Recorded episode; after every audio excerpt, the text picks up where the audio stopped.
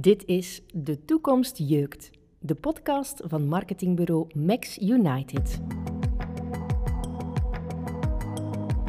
Kurt Ostien en Cies Scherpreel praten met ondernemers en experts over ondernemen in een snel veranderende wereld.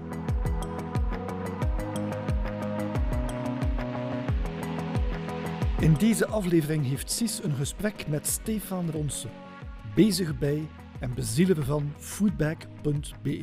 Je moet dingen loslaten, mensen eh, de kans geven om daar een verantwoordelijkheid in te nemen. En dan sta je wel versteld van uh, resultaten die je zelf nooit zou boeken. Ja.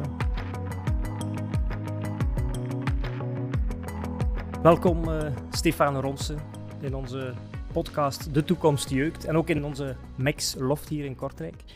Je bent in oktober 2014 gestart als ondernemer met Foodback. Misschien als inleiding kan je ons even situeren wie jij bent en wie Foodback precies is? Ja, ik ben dus uh, Stefan en uh, ja, alvast bedankt voor de uitnodiging. Klopt inderdaad, in 2014, uh, ehm, bijna zes jaar geleden, of zes jaar geleden, ondertussen startte ik Foodback. En Foodback is eigenlijk een uh, maaltijdboxleverancier waarbij wij recepten ontwikkelen en uh, onze klanten, foodlovers noemen ze ook, bij ons die recepten online bestellen. En dan leveren wij eigenlijk alle ingrediënten aan huis met mooie en uh, makkelijk te volgen receptenkaarten. Wat heeft corona voor Foodback betekend recent? Of vandaag? Ja, dat is heel wat. In, in een, een, bizarre situatie, laat ik het zo zeggen zeg ik het als mens ook niet graag, maar uh, kunnen wij eigenlijk niet klagen. Ik denk de volledige e-commerce sector kan niet klagen. En iedere ondernemer zou ervan dromen om plotsklaps uh, de omzet uh, te zien verdrievoudigen. Dat is bij ons ook gebeurd op één week tijd. Maar dat brengt natuurlijk wel een aantal praktische problemen met zich mee. Dus meer corona voor jullie? Goh, nee, als mens zou ik zeggen nee, nee. Uh, ik denk dat het een zeer bizarre wereldwijde situatie is, die zeker en vast in de geschiedenisboeken zal terechtkomen. Dus als mens zeg ik zeker nee, laat die, laat die periode maar voorbij. Maar wij zijn wel, ja, plotsklaps vijf jaar verder in ons businessplan geschoven, ja. Het is heel bizar. Gino van Ossel hadden we ook een podcast mee. Een tijdje geleden um, zei ook van, er zijn eigenlijk ondernemers of ondernemingen die vandaag eigenlijk bijna, bijna schrik hebben om te zeggen, ja, het gaat eigenlijk wel heel hard nu voor ons, uh, mm -hmm. in de goede zin dan. Hè.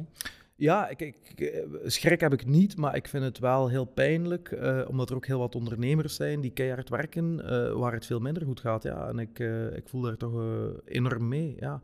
Goed, laten we in deze podcast de toekomst vooral over de toekomst hebben, maar eigenlijk ook wel dankbaar terugblikken, denk ik, op het verleden. En het toeval wil, of misschien is het geen toeval, hè, dat wij elkaar in de zomer van uh, 2016 ook al gesproken hebben. Ik was toen bij jullie in Gent in, uh, hoe moet ik het noemen, kantoor, keuken, uh, fotostudio, alles, ja. alles in één. Ja. Waar de beginjaren eigenlijk volop woeden voor jullie. Dat was in het kader van het boek The People Factor in E-Commerce. En ik wil daar graag eigenlijk samen met jou nog door een aantal fragmentjes terug uh, okay. gaan om te kijken ja. hoe de situatie vandaag is. Ben benieuwd. Zes jaar geleden zei je, hè, ik wil met iets nieuws starten. Je, je dook er gewoon in en je startte toen dit foodback-verhaal vanuit de keuken van een bevriend restaurant of uh, restaurateur. Om de eerste gerechten te maken, assembleren, de eerste dozen, noem maar op. Of waren het zakken? Zakken, begin? Ja. ja. de bags, ja. Ik hoop voor jou dat het vandaag niet meer op die manier loopt. Uh, nee, zeker vast niet. Ondertussen is er heel wat uh, veranderd. Ik noem het altijd een beetje de rollercoaster van de afgelopen jaren. Uh, dus ja, het verloopt uh, compleet anders nu. Ja. En wat, wat, wat is er het meest veranderd voor jou? Als je er één ding moet uitpikken? nu moet ik even nadenken. Wat is er voor mij het meest veranderd? Ha, wel, dan zou ik zeggen dat uh, mijn dagdagelijkse bezigheid minder het ondernemen is, maar meer het managen. Dat is toch voor mij de grootste verandering en aanpassing die, uh, laat ik zeggen, de afgelopen jaren er is geweest. Ja. ja. Is dat iets wat je voor ogen had ook bij de start? Nee, totaal niet. Nee. Uh, en dat is ook iets waar ik mezelf een beetje heb moeten bijsturen, ja, aanleren. Het zijn helemaal andere skills als ondernemer, waar je alles alleen doet, of toch zeker in die beginfase. En dan plotsklaps, wij zijn nu met iets meer dan twintig collega's, ja, word je meer manager en, en ja, moet je ook de teamleden respecteren in hun rol. En, en ja, dat is niet zo evident. Maar je bent er eigenlijk, en dat zeg je ook in een bepaald fragment in het, in het gesprek van vier jaar geleden, Je richt de Foodback op om zelf als ondernemer aan het roer te staan. Hè. Die ondernemers, je, je hebt nu geen start-up meer, kunnen we zo Mhm. stellen. Je deed het ook vanuit een heel sterk buikgevoel van just do Ja. it, laten we daar gewoon in springen. En misschien maar goed ook vanuit dat buikgevoel. Ja? Ja, eh, of enfin, ik zeg altijd, nadien is het makkelijk om analyses te maken. Maar ik zou het, eh, ja, ik, ik, ik, eh, heel veel mensen stellen me de vraag, Stefan, zou je het opnieuw doen? Nee, ik zou het niet opnieuw doen. Ik, ik, zou daar de energie niet meer voor hebben. Ik, nu weet ik welke bergen ik heb moeten beklimmen. Mocht ik bij aanvang geweten hebben, ik zou er waarschijnlijk nooit aan begonnen zijn. Hè. Enfin, en dat, dat, dat houdt niet tegen dat ik geweldig trots ben op wat we nu hebben. Hè. En, en dat, dat, dat, dat het dat fantastisch is. Maar dat traject nogmaals doorlopen, Wat boeit in jouw job nu vandaag jou het meest? Zeer goede vraag. Eh, een vraag waar ik eh, ook zelf vaak over probeer na te denken. Ehm, ik zou daar twee dingen op willen antwoorden. Het zijn twee dingen die me in mijn huidige job enorm fascineren en die eigenlijk de drijfveren zijn voor mij om, om, om, om echt uh, dagdagelijks met veel plezier naar kantoor te komen. En dat is één, de mensen om me heen. De mensen die voor Foodback werken. Ik krijg geweldig veel energie om, om dat te zien. Ik ben er ook enorm trots op. En twee, uh, en dat is een stukje DNA van Foodback, is uh, onze lokale leveranciers. Echt mensen gaan bezoeken die uh, met zoveel passie vertellen over de producten die ze maken. Ja, dat, vind ik fantastisch. En dat drijft ook de mensen die bij ons komen werken, is een stukje daaraan mee kunnen bouwen. Ja. Ik denk dat dat ook wel een stuk van de cultuur is van het huis intussen. Dan die samenwerking, we komen daar straks wel nog een stukje op terug. Maar je hebt de ziel nodig in een bedrijf of ja. een organisatie van 20 mensen. Is dat anders dan als je alleen als start-up inderdaad die bergen verzet? Hè? Ja, dat is totaal anders. Maar dat is natuurlijk ook de uh, normale evolutie die je als, uh, ja, als startend project moet uh, doormaken. Want er is in mijn ogen niets gevaarlijker dan volledig afhankelijk te zijn van één iemand binnen een organisatie. Dus het verlicht ook wel wat uh, het risico en de stress die op je schouders uh, rust. Uh, als je weet dat het bedrijf verder kan zonder jou. En dat moet ook ergens wel het doel zijn, denk ik. Ja. Deed je in het begin echt alles? Ja, echt alles. Ja. ja. Receptuur ja, ook? En, uh... Recepten uh, ja, dat is nu net het enige wat ik niet deed. Um, ik, had, ik, heb het wel geprobeerd, de fotografie en de recepturen. Uh, maar ik had al heel snel door dat, um, ja, dat dan de mayonaise niet, niet zou pakken. Maar al de rest deden we zelf. Ja, het samenstellen, het inkopen, het rondrijden met de zakken. Um, ja, en ik had nog een halftijdsjob daarnaast ook. Ja. Uh, nu begrijp ik u dat, dat gezegd van achteraf gezien zou ik het niet meer opnieuw doen. Wat, wat, hoe ziet uw dag er vandaag uit? Goh, um, ik, ik, heb altijd wel een, een, idee hoe mijn dag er zal uitzien, maar het uh, gebeurt zelden of nooit dat die dag er effectief ook zo uitziet. Um, ik denk dat heel veel ondernemers zich daarin zullen kunnen herkennen. Maar uh, in feite heb ik heel veel contact met onze teamleads, met de collega's ook, om over verschillende topics te gaan uh, overleggen. En dat kan, uh, dat is, ik zeg altijd, mijn dagen zien er gigantisch divers uit. Het ene moment bekijken hoe we Belgische meloenen kunnen integreren in onze fruitmanden voor de volgende week. En twee uur later kan ik in een distributiekwestie verwikkeld zijn met ons teamlead distributie, om dan ergens met een verpakkingsprobleem te eindigen. Ja. Is het zowel het grotere plaatje als de kleine operationele ja, gevoeligheden? ik ben, of, tot ergernis van, ik denk veel mensen in ons team, um, heel graag heel erg operationeel betrokken ook. Ja.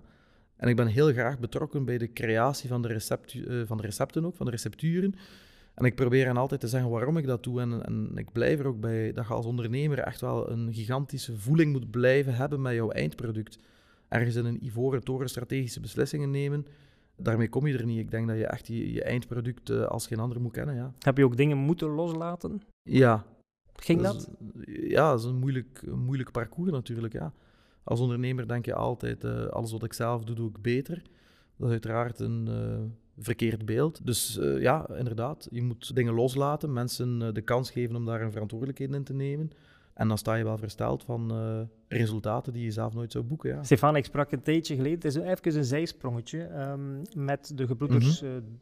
De Walen, die in 2013 door het succes van hun project Fun Do, het zit in een andere context, een andere markt, een plaatsje bedongen in de boardroom van Fun, de grote speelgoed-retailer. En eigenlijk in een gesprek daarna, als het al een paar jaar um, liep, tot de constatatie kwamen dat ze er eigenlijk niet zoveel fun uithaalden, om het zo te zeggen. De, de start-up mentaliteit van weleer, ja. die was niet aanwezig in het logge schip, zijnde de retailer. En Mhm. dat vond ze eigenlijk niet zo plezant. Herken je je in die situatie? Eh, ja, eh, zeer herkenbaar uiteraard. Ehm, en het is een eh, continu evenwicht die je moet zoeken in een groeiende organisatie tussen hoe kunnen we die eh acceleratie, snelheid en wendbaarheid behouden eh, die een start-up moet hebben. Maar aan de andere kant ook met een groeiend aantal teamleden zorgen dat iedereen zijn rol kent, dat informatie doorcijpelt tot alle niveaus, dat beslissingen op een gestructureerde manier genomen worden. En dat als een beslissing genomen wordt, die ook op een correcte manier kan geïmplementeerd worden.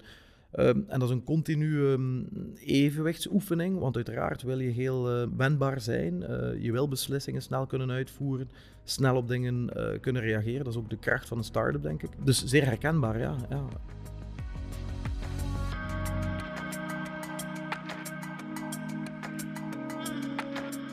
Het is voor wel meer start-ups de uitdaging om de juiste vibe te behouden eens de onderneming groter wordt.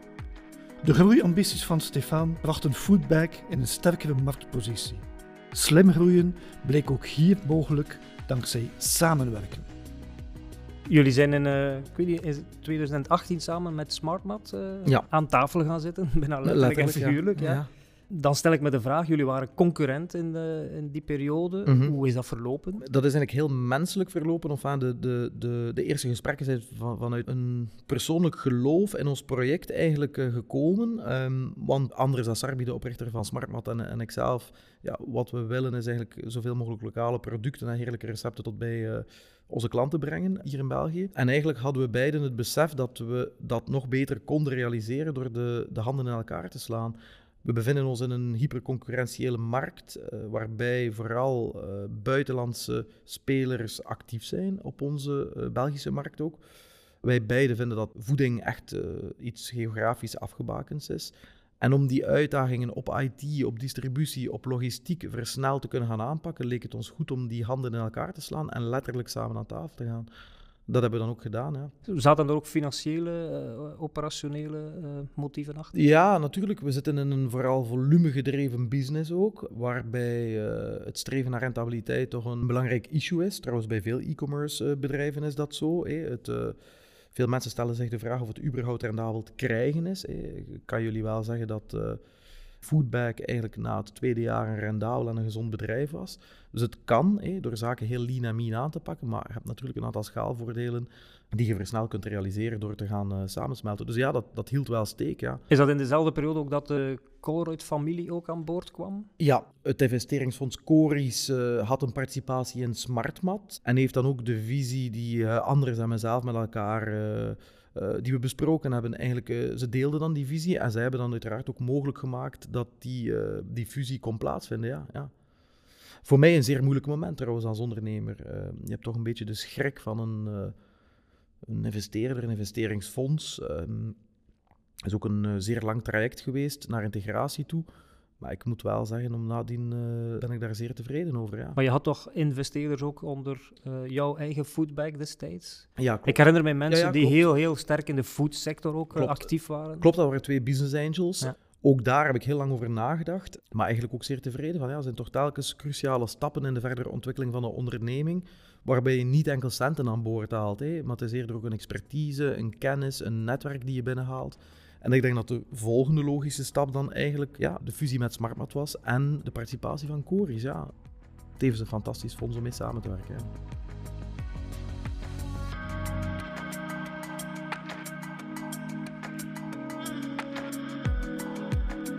De wil om samen te werken is één ding.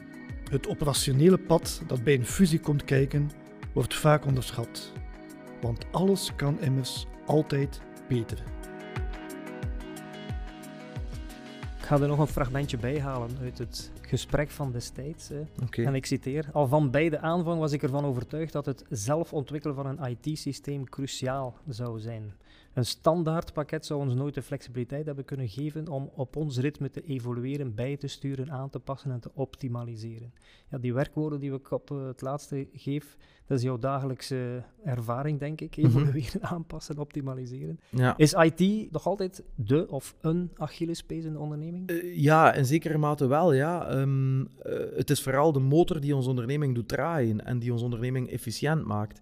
Dus het spreekt voor zich dat we daar moeten blijven investeren. We zeggen altijd, we zijn een voedingsbedrijf.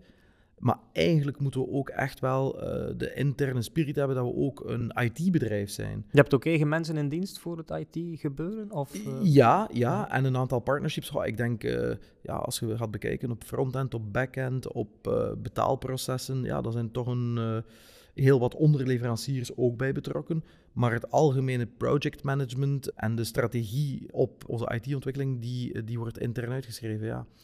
Maar het is de motor van ons bedrijf en bij elke verandering die we willen doorvoeren, komt IT ergens kijken. Uh, gaat het om nieuwe producten die we willen introduceren? Gaat het om nieuwe services op klantniveau? Gaat het om gebruiksvriendelijkheid van uh, betalen, van checkout? Uh, gaat het om productie? Want ook onze productie is heel IT aangedreven op dit ogenblik. Gaat het over distributie? Ja. Wat bedoel je dat de productie IT aangedreven is? Um, we hebben um, IT-aangestuurde productielijnen in gebruik genomen. wat eigenlijk betekent dat uh, onze orders in een uh, willekeurige volgorde over een uh, distributieband rollen en dat eigenlijk in functie van het scannen van een barcode de box zal geassembleerd worden.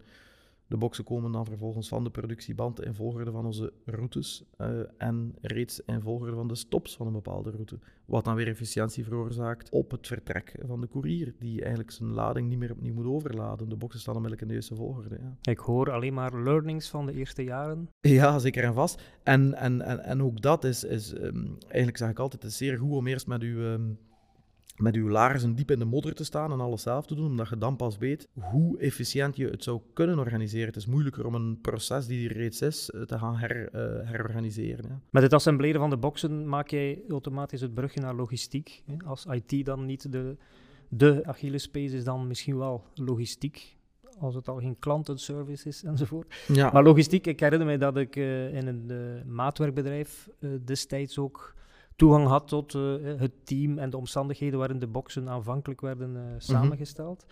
Dat is allemaal uh, geen sinecure, want dat is allemaal heel korte termijn. Op maandag moet daar heel veel gebeuren. Ja.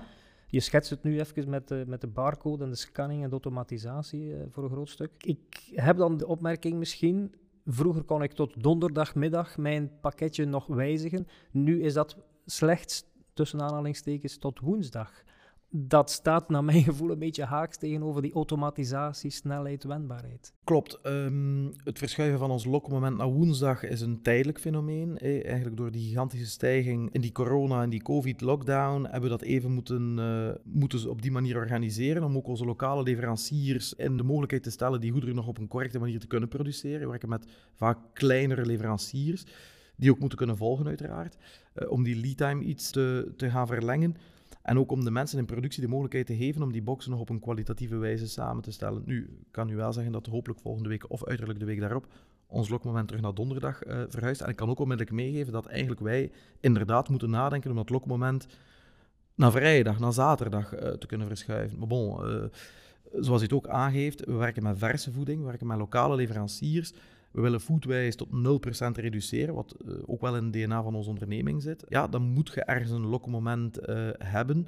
En verse voeding, uh, complex, ja, wij willen die goederen liefst zo laat mogelijk in ons magazijn, om zo snel mogelijk richting de eindklant te gaan, om die versheid te gaan bewaren. Ja. Is dat tegelijk ook misschien een, een, een lokroep, een wens, een, een uitdrukking van die consument om inderdaad die, die loktijd zo laat mogelijk zijn daar, zijn daar extra uh, ja, vereisten van die klanten? Ja, we hebben twee, ik denk dat er daar twee belangrijke elementen een rol spelen. Enerzijds heb je een veranderende consument. Een consument die, en terecht ook, uh, zich niet bewust is van de complexiteit achter de schermen. Die steeds meer neigt naar individualiseerbare producten. En anderzijds zit je met een standaard die uh, in de markt wordt gezet, vaak door een aantal grote spelers.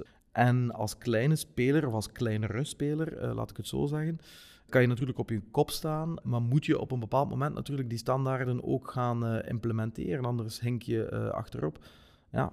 Wat ik heel sympathiek vond eigenlijk, en dat is het, naar mijn gevoel het juiste woord, is jullie samenwerking met, uh, of via Nestor, hè, waarbij mm -hmm. je 50-plussers inschakelt om de pakketten thuis te leveren. Hoe mm -hmm. wordt dat onthaald bij de dus, klant? Ja, super positief. Ja. Super positief. Van waar het idee? Goh, ehm, ja, dan komen we bij het logistiek slash distributiedeel terecht. Ehm, als we gaan kijken wat voor een klant de belangrijkste reden is waarop een klant afhaakt bij ons, ehm, dan zien we dat dat distributie is. de manier waarop de box wordt aangeleverd en ook het tijdstip, uh, de accuraatheid van aanlevering is van cruciaal belang bij voeding.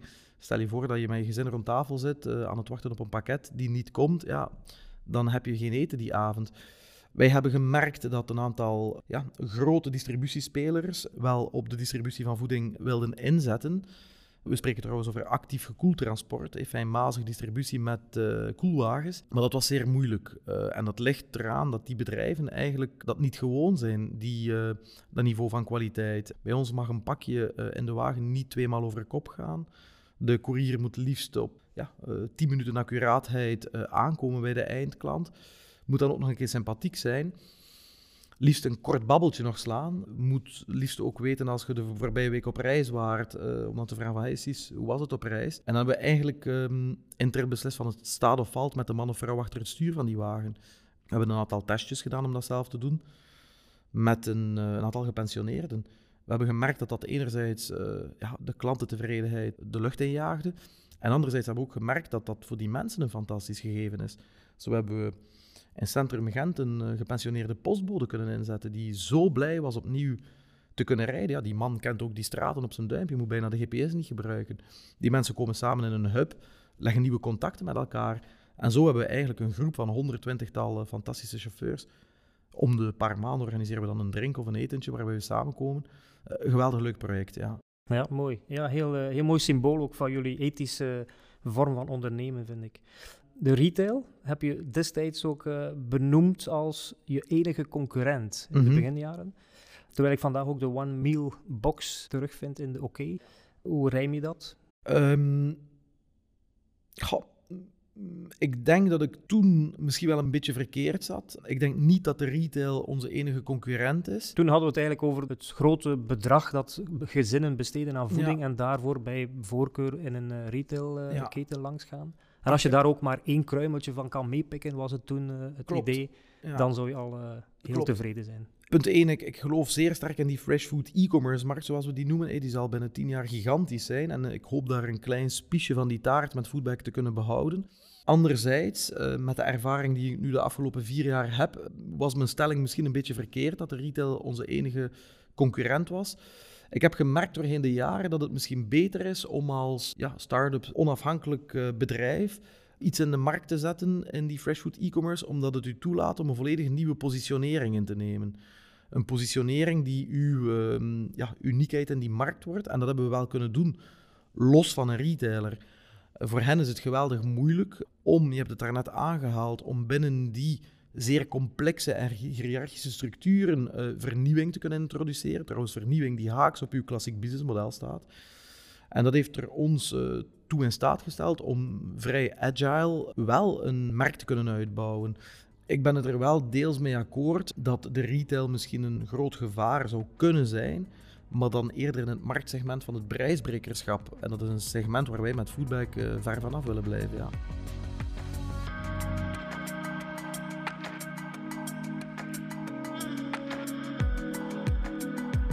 Samenwerken en nieuwe dingen opzetten, nieuwe niches ontdekken, dat is zeker een deel van het DNA van het nieuwe Foodbag.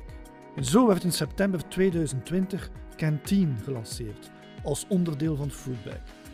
De focus op een nieuwe doelgroep met een nieuw aanbod. Kantien is een webshop waar bedrijven voor hun medewerkers of de medewerkers van die bedrijven eigenlijk een aantal gezonde oplossingen kunnen kopen voor op de werkvloer. Ik spreek over fruit, snacks, drinks en voornamelijk lunch. Eigenlijk hebben we ons de vraag gesteld met Foodback van kijk, onze missie is gezonde voeding tot bij de Belgische consument brengen. We doen dat nu in een B2C-verhaal al. Hoe kunnen we dat uitbreiden? Ja, door eigenlijk ook op kantoorzaken te gaan leveren. En zijn dat dan ingrediënten of kant-en-klare Kant-en-klare maaltijden, ja. Mhm. Dus eigenlijk onze menuplanners, we hebben vijf mensen in dienst die continu gerechten ontwikkelen, die werken dan samen met een, um, met een leverancier die die maaltijden kan klaarmaken. Dat zijn maaltijden zonder bewaarmiddelen, met onze lokale uh, ingrediënten van ons netwerk aan leveranciers, in een ecologische verpakking. En die leveren wij dan uh, op het werk aan. Nu, waarom doen we dat? Ehm, dat is anderzijds ook om die cruciale schakels die we hebben, uh, zoals de logistiek en die distributie, op andere momenten in de week te kunnen gaan inschakelen. We hebben ons distributienetwerk, we hebben een netwerk aan chauffeurs, we hebben onze productiecapaciteit, die eigenlijk voor ons B2C-product twee à drie dagen in de week actief is. Ja, dan gaan we natuurlijk gaan kijken hoe kunnen we dat um, op andere dagen in de week gaan inzetten. En hoe is die start uh, van Kantine bevallen nu, de afgelopen week? we zijn net opgestart. We hebben al heel wat positieve reacties ontvangen. We bevinden ons natuurlijk in een zeer bizarre periode om ja, oplossingen voor op kantoor te lanceren. Uh, daar zijn we ons ook van bewust. Maar uh, net zoals bij Foodback en bij Smartmat vinden we ook dat die groei zeer gradueel mag gaan. Ja. Nu begrijp ik beter de aparte branding, omdat het echt kant-en-klare ja. maaltijden zijn. Hè? Ja. Heel fijn om inkijk te hebben in uh, hoe Foodback vandaag bestaat en hoe jij daar als ondernemer in bent gegroeid en geëvolueerd. Mag ik als slotvraag misschien vragen, onze podcast is De Toekomst Jeukt, waar de toekomst voor jou vooral gaat jeuken? Ja, ik denk als ondernemer jeukt het altijd. De vraag is natuurlijk wanneer uh, ja, heb je nog de tijd om dat allemaal te gaan realiseren. Ik denk um, dat de markt waar wij uh, ons met uh, Foodback in bevinden een gigantisch interessante markt is, die fresh food e-commerce markt. Als je kijkt naar Nederland en Zuid-Korea, twee regio's ter wereld die het verste al staan in die fresh food e-commerce consumptie per capita, als we het zo willen benoemen. Uh, zie je daar toch een aantal concepten die al in een vergevorderd stadium van evolutie zitten, of al twee, drie stappen verder dan de maaltijdbox, zoals wij, um, die op dit moment nog zijn. Ik denk dat dat het stuk, de drijfveer is die ik zelf ook als ondernemer heb, om daar stapjes in de juiste richting te zetten. En ik zou graag nog zoveel meer lokale leveranciers aan ons netwerk toevoegen en uiteindelijk ook onze klanten, foodlovers, gelukkig maken met heerlijke recepten. Ja. Mooi. Ik denk dat dat een stukje de drijfveer moet zijn. Ja. Ik blijf uh, meer dan ooit fan. En uh, mijn wekelijkse foodback uh, die staat altijd op het programma. Yes. Stefan, heel erg bedankt voor deze babbel. Jij ook Veel succes en een jeukende toekomst. Merci.